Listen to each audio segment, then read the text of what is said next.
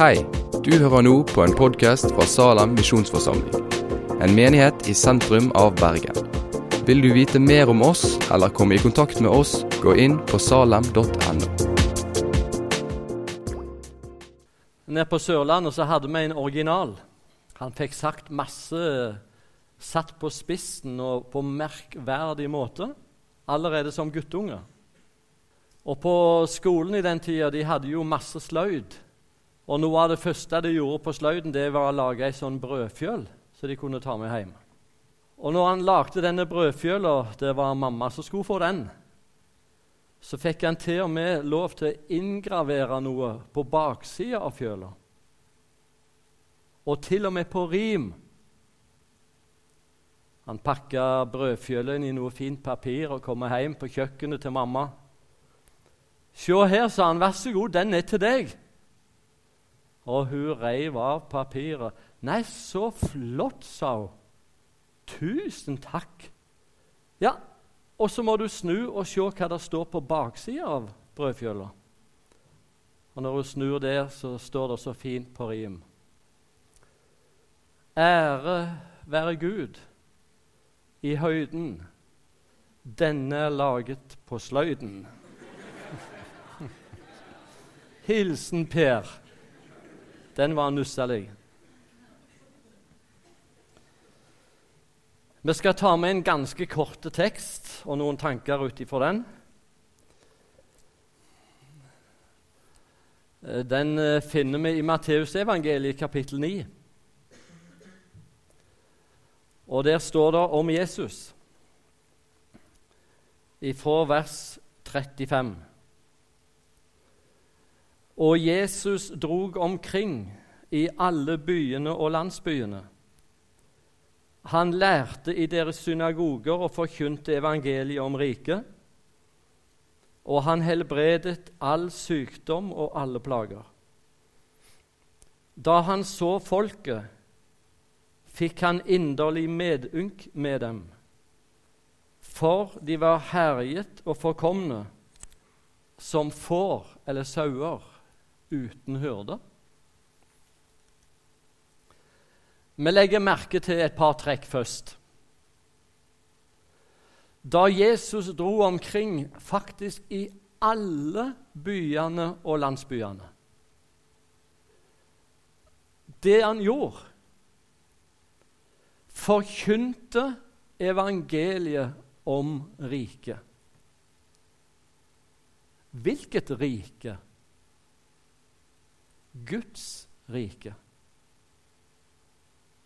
Det var veldig viktig om å gjøre å komme inn i Guds rike for den enkelte. Hvis jødefolket skulle tenke seg å komme inn i Guds rike, så hadde de loven, de hadde budene, og de sto på og levde så flott, og de kunne bud og forskrifter på rams.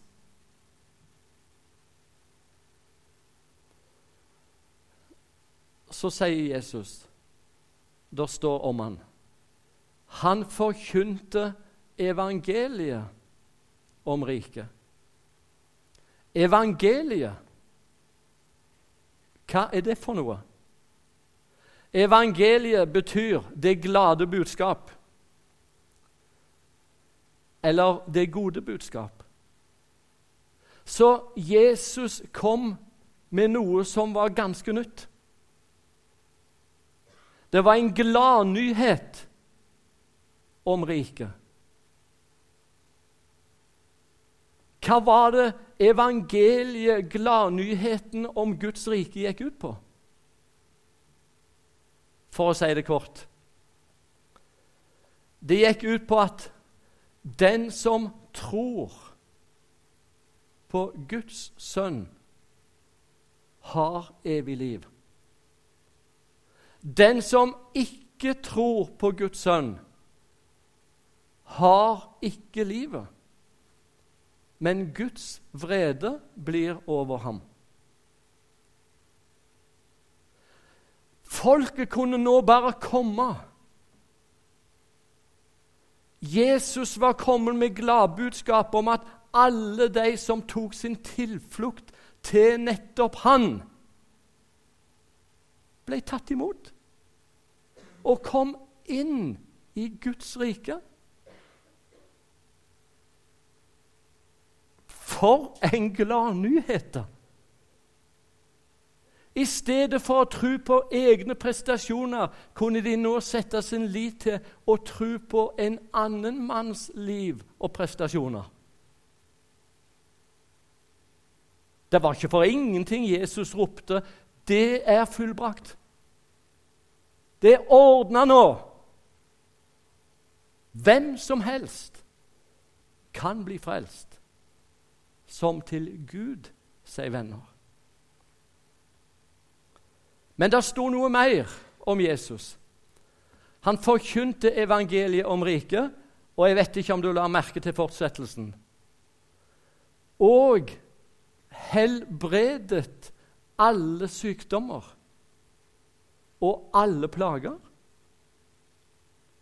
I alle dager, altså. Alle sykdommer og alle plager helbreda Jesus rundt i byene og landsbyene. Alt. Det var egentlig ganske ofte at det kom mennesker til Jesus som var syke og hadde legemlige plager og andre plager. Det var ikke alle som kom med sin syndeskyld og anger av den. Og gang på gang greip Jesus inn, og de ble friske. Og så ble det nevnt i starten på dette møtet at første kvelden så var teksten Jesus Kristus er i går og i dag den samme, ja, inntil evig tid. Altså Jesus Kristus er den samme slik òg. Han kan helbrede ifra all sykdom. Det kan han. Og han kan helbrede ifra alle plager. Virkelig, det kan han. Og så sniker det seg inn et spørsmål hos meg, da. Er det slik at alle i dag som er syke, blir friske da de kommer til Jesus med sin sykdom eller sin plage? Svaret er nei. Det er ikke alle som blir friske. Selv om de trygler og ber og kommer til Jesus med sykdommen. Og det er ikke alle plager han utfrir folk ifra. Det er bare et faktum.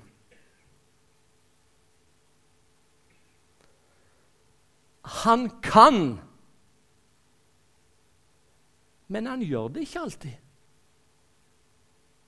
Vi må ikke lure oss sjøl til å si noe annet enn det som er reelt og et faktum. Jeg kjenner mange som har vært syke og er syke. De har trygla og bedt og fått folk til å komme og bedt for seg så de skulle bli friske. De har oppsøkt mennesker som antagelig har nådegaver til å helbrede. De er blitt salva og bedt for. Like syke ennå. Hva er det som er galt? Trenger det å være noe som er galt? Det er noen som sier rett ut det er klart. Både synd og sykdom kom inn via fallet i Edens hage, da djevelen kom i form av en slange og dårte og lurte mennesket. Så sykdom, den står djevelen bak. Og det er klart at når jeg som en kristen ber Jesus gjøre meg frisk, så vil han det, og han gjør det. Og hvis det ikke skjer, så må det jo være noe galt med meg. Eller med min tru. For det er jo ifra djevelen, den sykdommen. Nå må vi summe oss litt. Jeg er tilsnakkende etterpå hvis du ikke er enig i alt. Jeg tåler litt. Men du For eksempel, det står om Paulus i 2. Korinterbrev 12. Han hadde en tårn i kjødet, altså noe som plaga han. Det står ikke hva den tårnen i kjødet var. Det kan være en sykdom, det kan være noe annet. Men den tårnen i kjødet hos Paulus ble kalt en Satans engel. Altså noe ifra djevelen. Og Da var det ikke rart at Paulus tre ganger trygla og ber Gud kan du ta vekk den tårnen i kjødet.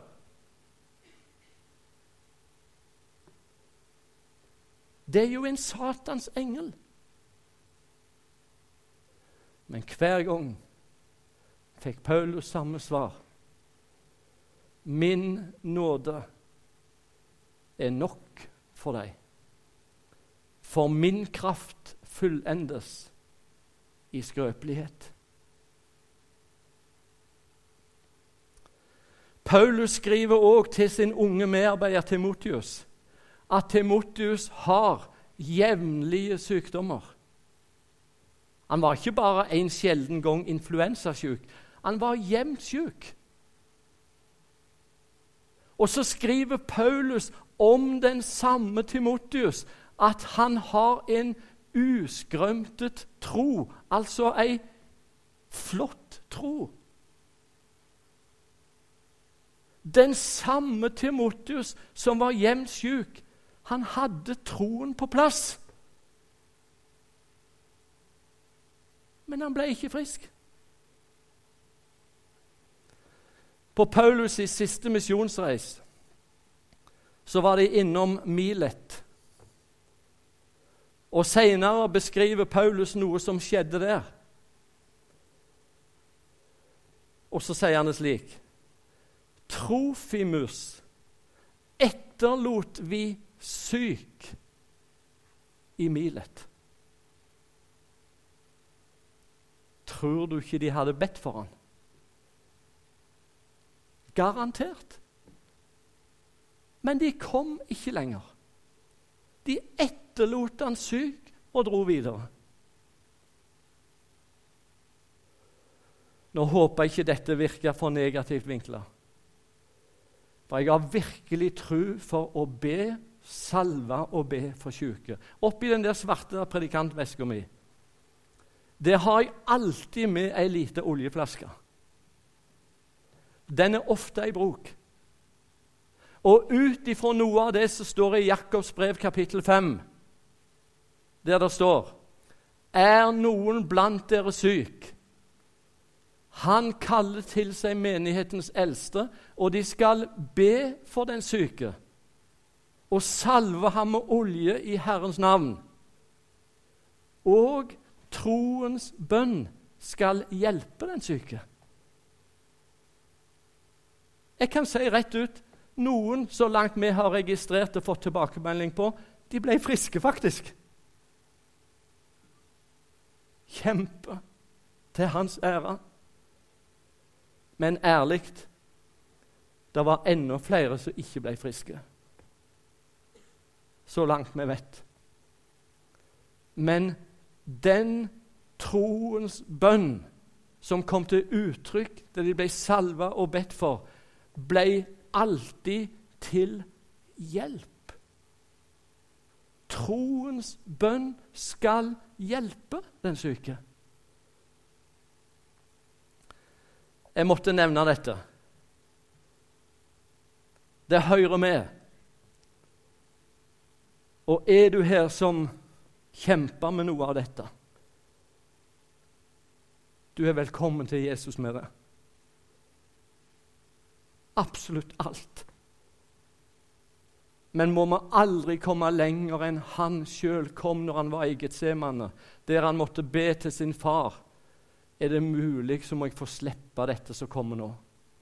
Men far, ikke som jeg vil, men som du vil. Er det noen mer djupere overgivelse til Gud enn å føye til Men far, du ser best. Som du vil. Jeg legger meg i dine hender.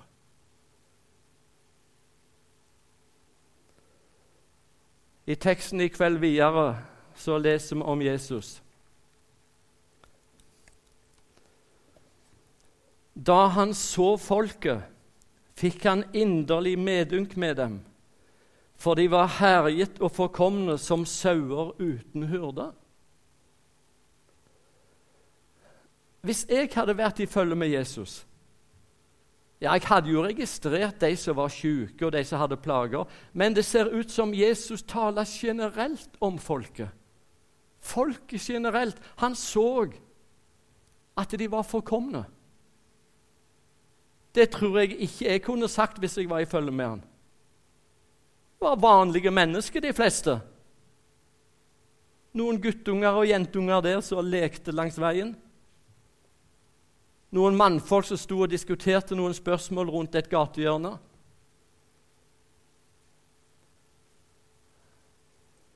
De vi trefte på, var som deg og meg. Vanlige folk. Jeg hadde ikke reagert på dem. Men da Jesus så folket, fikk han inderlig medynk med dem. For de var forkomne som sauer uten hørde. Hvorfor kunne Jesus si det om dem når han så dem? Jo, han hadde noen øyne som så lenger enn til bare det ytre. Han så innenfor. Og da så han her er det mange som sliter. Det er ikke den eneste gangen vi leser om Jesus at han så tvers igjennom folk.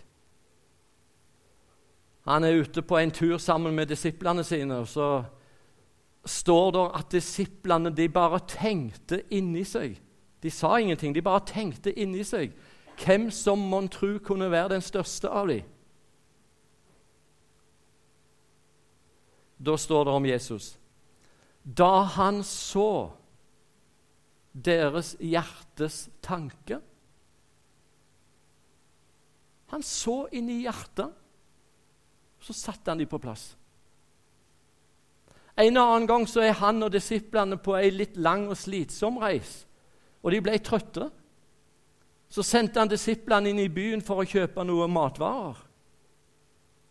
Og han ble værende på utsida ved en brønn. Og mens han sitter der, så kommer det ei kvinne fra landsbyen. Hun skulle hente vann og brønnen midt på heite dagen, når hun trodde ingen andre var der. Men når Jesus ser denne kvinnen, så etter kort tid rusler han bort og så begynner han å prate med henne. Og plutselig, uten videre, så buser han ut rett på sak. Du, du har hatt fem menn, du.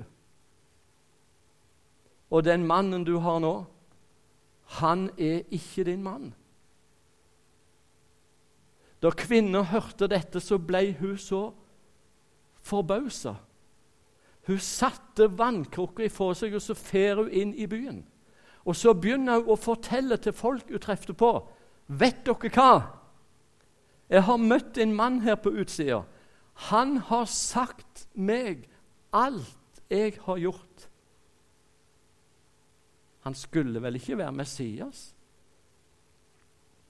Hvordan visste Jesus alt om denne kvinnen? Han hadde et blikk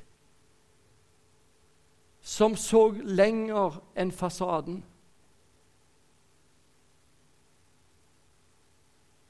Og så står det i Hebreerne 4, vers 13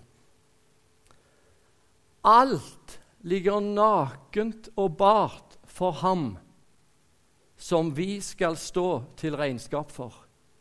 Alt. Når jeg står her oppe på denne opphøyde plattformen det er litt mørkt nede i salen. Det er bare koselig, det, altså. Men vet du hva? Jeg ser alle personene her inne jeg nå. Det hadde du vel ikke trodd. Men det gjør jeg. Og vet du hva? Jeg er ikke i stand til å se en eneste en som har det vondt. Dere ser ut til å ha det bra. Alle sammen ser bra ut. Men du, der er en mann blant oss i kveld. Han har fortsatt den egenskapen at han ser innenfor skinnet, bak et fint ytre. Og da må jeg spørre deg Er du her likevel? Bak fasaden din så sliter du kolossalt. Du har tungt å bære. Av forskjellige grunner. Kan være noe som har skjedd i livet ditt på hjemmebane, kanskje her i byen der du studerer eller jobber, mellom deg og andre mennesker. Det kan òg være at du sitter her, og bak hele fasaden, der du går fast i Salem eller i noen annen forsamling, alle tror at du har det flott og alt er i orden.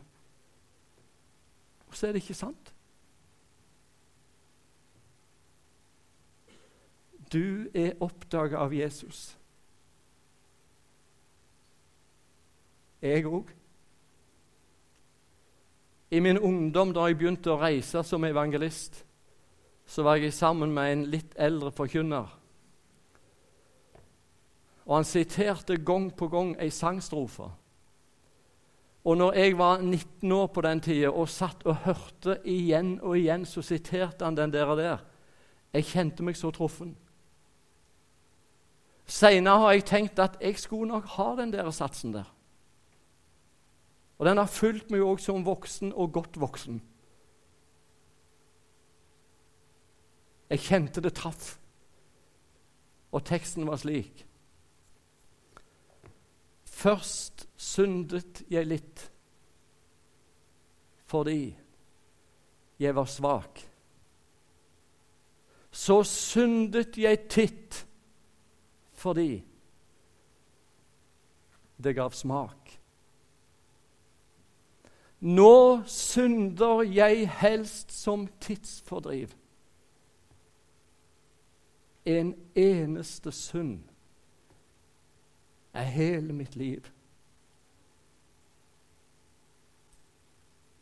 Er du her i kveld?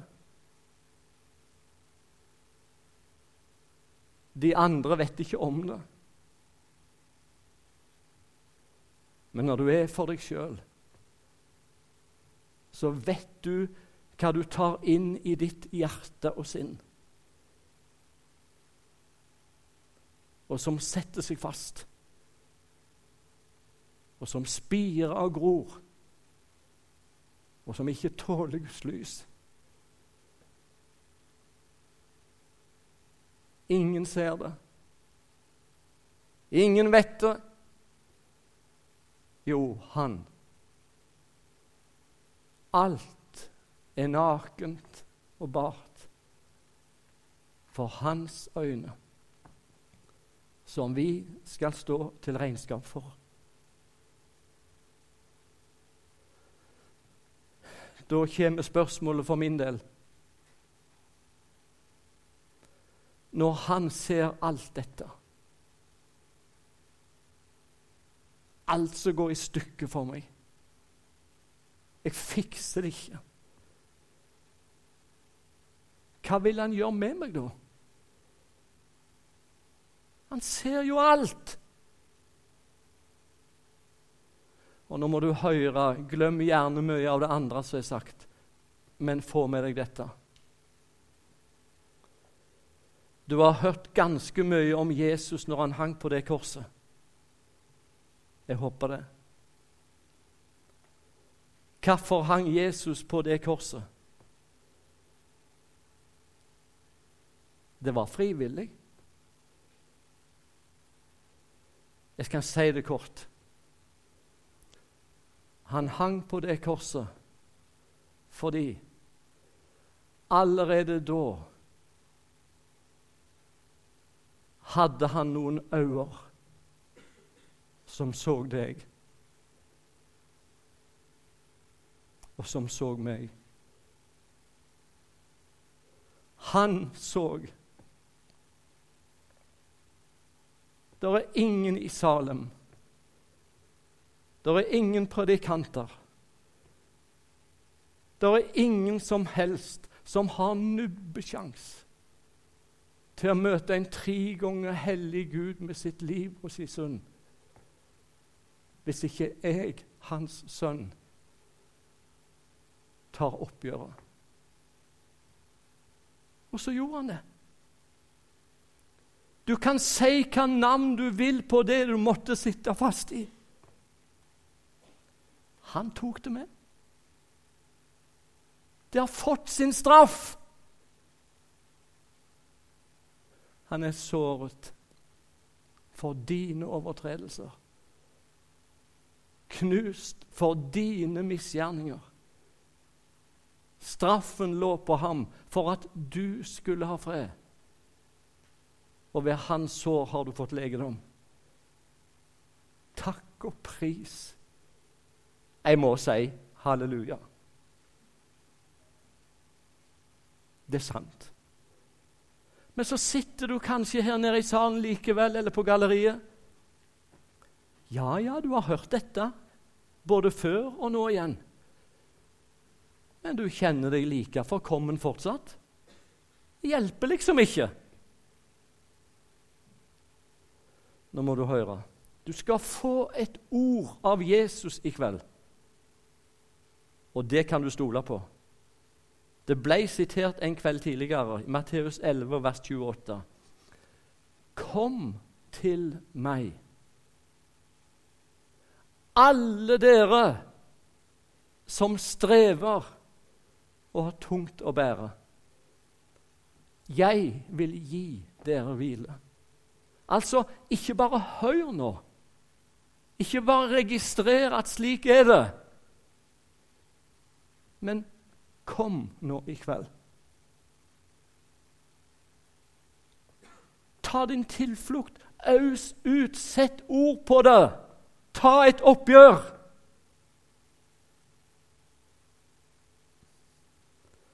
Og så lover han i 1. Johannes brev Dersom vi bekjenner våre synder, er Han trofast og rettferdig så han forlater oss syndene og renser oss ifra all urettferdighet. Til slutt I min oppvekst så gikk jeg de fleste år på skole inn i Ryfylke. Ikke så langt unna der bodde det et ungt ektepar som drev en gård. De hadde en guttunge på ca. fem år. En dag så er pappa ute i skauen, i skogen. Han skal ta ned noen kjempetrær. Og Så var han litt uforsiktig, og før han visste ordet av det, så ramla et av de største trærne over han. Og der mista han livet. Men kona hans, som nå ble enke, hun bestemte veldig fort jeg skal klare å drive gården videre. Og det gjorde hun. Hun var i fjøset, hun måtte i butikken, hun lagde mat, hun hogde ved. Og hele tida så dilta guttungen på fem år etter mamma. Og han så at mamma hun sleit og strevde. Det var ikke så mye barnehagestell på den tida, så guttungen var med mamma hele tida. Denne unge mor pleide aldri gå på noe kristelig. Hun hadde vel knapt satt sine bein på bedehus eller kirka. Så fikk hun en innskytelse en dag. Hun skjønte det var et møte nede i bedehuset. Så bestemte hun seg. Hun tok med guttungen, for ned i bedehuset og satt der for første gang i sitt voksne liv. Og guttungen sitter på sida av henne. Og vet du, det er sant. Den kvelden så står han predikanten på talerstolen, så har han nettopp denne teksten av Jesus, der Jesus roper ut Kom til meg, alle dere som strever og har tungt å bære. Jeg vil gi dere hvile. Og så vet du hvordan ungene er. De tar det helt bokstavelig. Og når han hørte at Jesus sa det, guttungen De kunne komme til han alle som strevde hadde tungt å bære. Da ser han for seg mamma når hun strever på gården, vet du. Og stresser på. Og vet du hva han gjør? Han tar tak i jakkeermet på mora, og så drar han seg opp til øret hennes. Og så kvisker han. Det vil si, han, han trodde han kviskra. Og de sier, de sier, egentlig mor der borte, ikke mamma. Du, mor! Mor! Den, den, den karen der er jammen noe for det kan! Ja Det femåringen ikke så, det var at mor strevde med noe som var mange ganger verre enn å være i fjøset og hogge ved. Hun sleit og strevde med å få fred med Gud, rett og slett. Fant ingen hvile. Men den kvelden rusla hun fram. Fikk snakke ut, be sammen. Fikk noen ord med seg hjem. Og den kvelden var det en ny mor som fant sjelshvile. Er du her i kveld som stadig er på leit? Ingen fred. Vet du hva? Den karen der, Jesus altså Han er jammen noe for deg òg, han. Jeg har prøvd det. Jeg hadde ikke tro på det før. Men det er det dyrebareste jeg har. Og det har jeg fått fred med Gud og fred innvortes. Herre Jesus, vi takker deg at det er sant. Og takk at du er så interessert i alt omkring oss. Og så forstår vi ikke alltid alt. Hvorfor ikke ting skjer slik som vi tenkte. Vi legger oss bare fortsatt i dine hender. Må du være med oss videre utover kvelden. I ditt navn. Amen.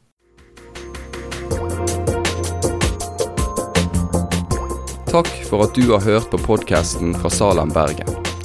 I Salem vil vi vokse i et stadig dypere fellesskap med Gud og med hverandre. Vi vil være Jesu hender og føtter, og vi vil være med å forkynne frelse for Bergen og resten av verden. Besøk oss gjerne på salem.no om du vil vite mer.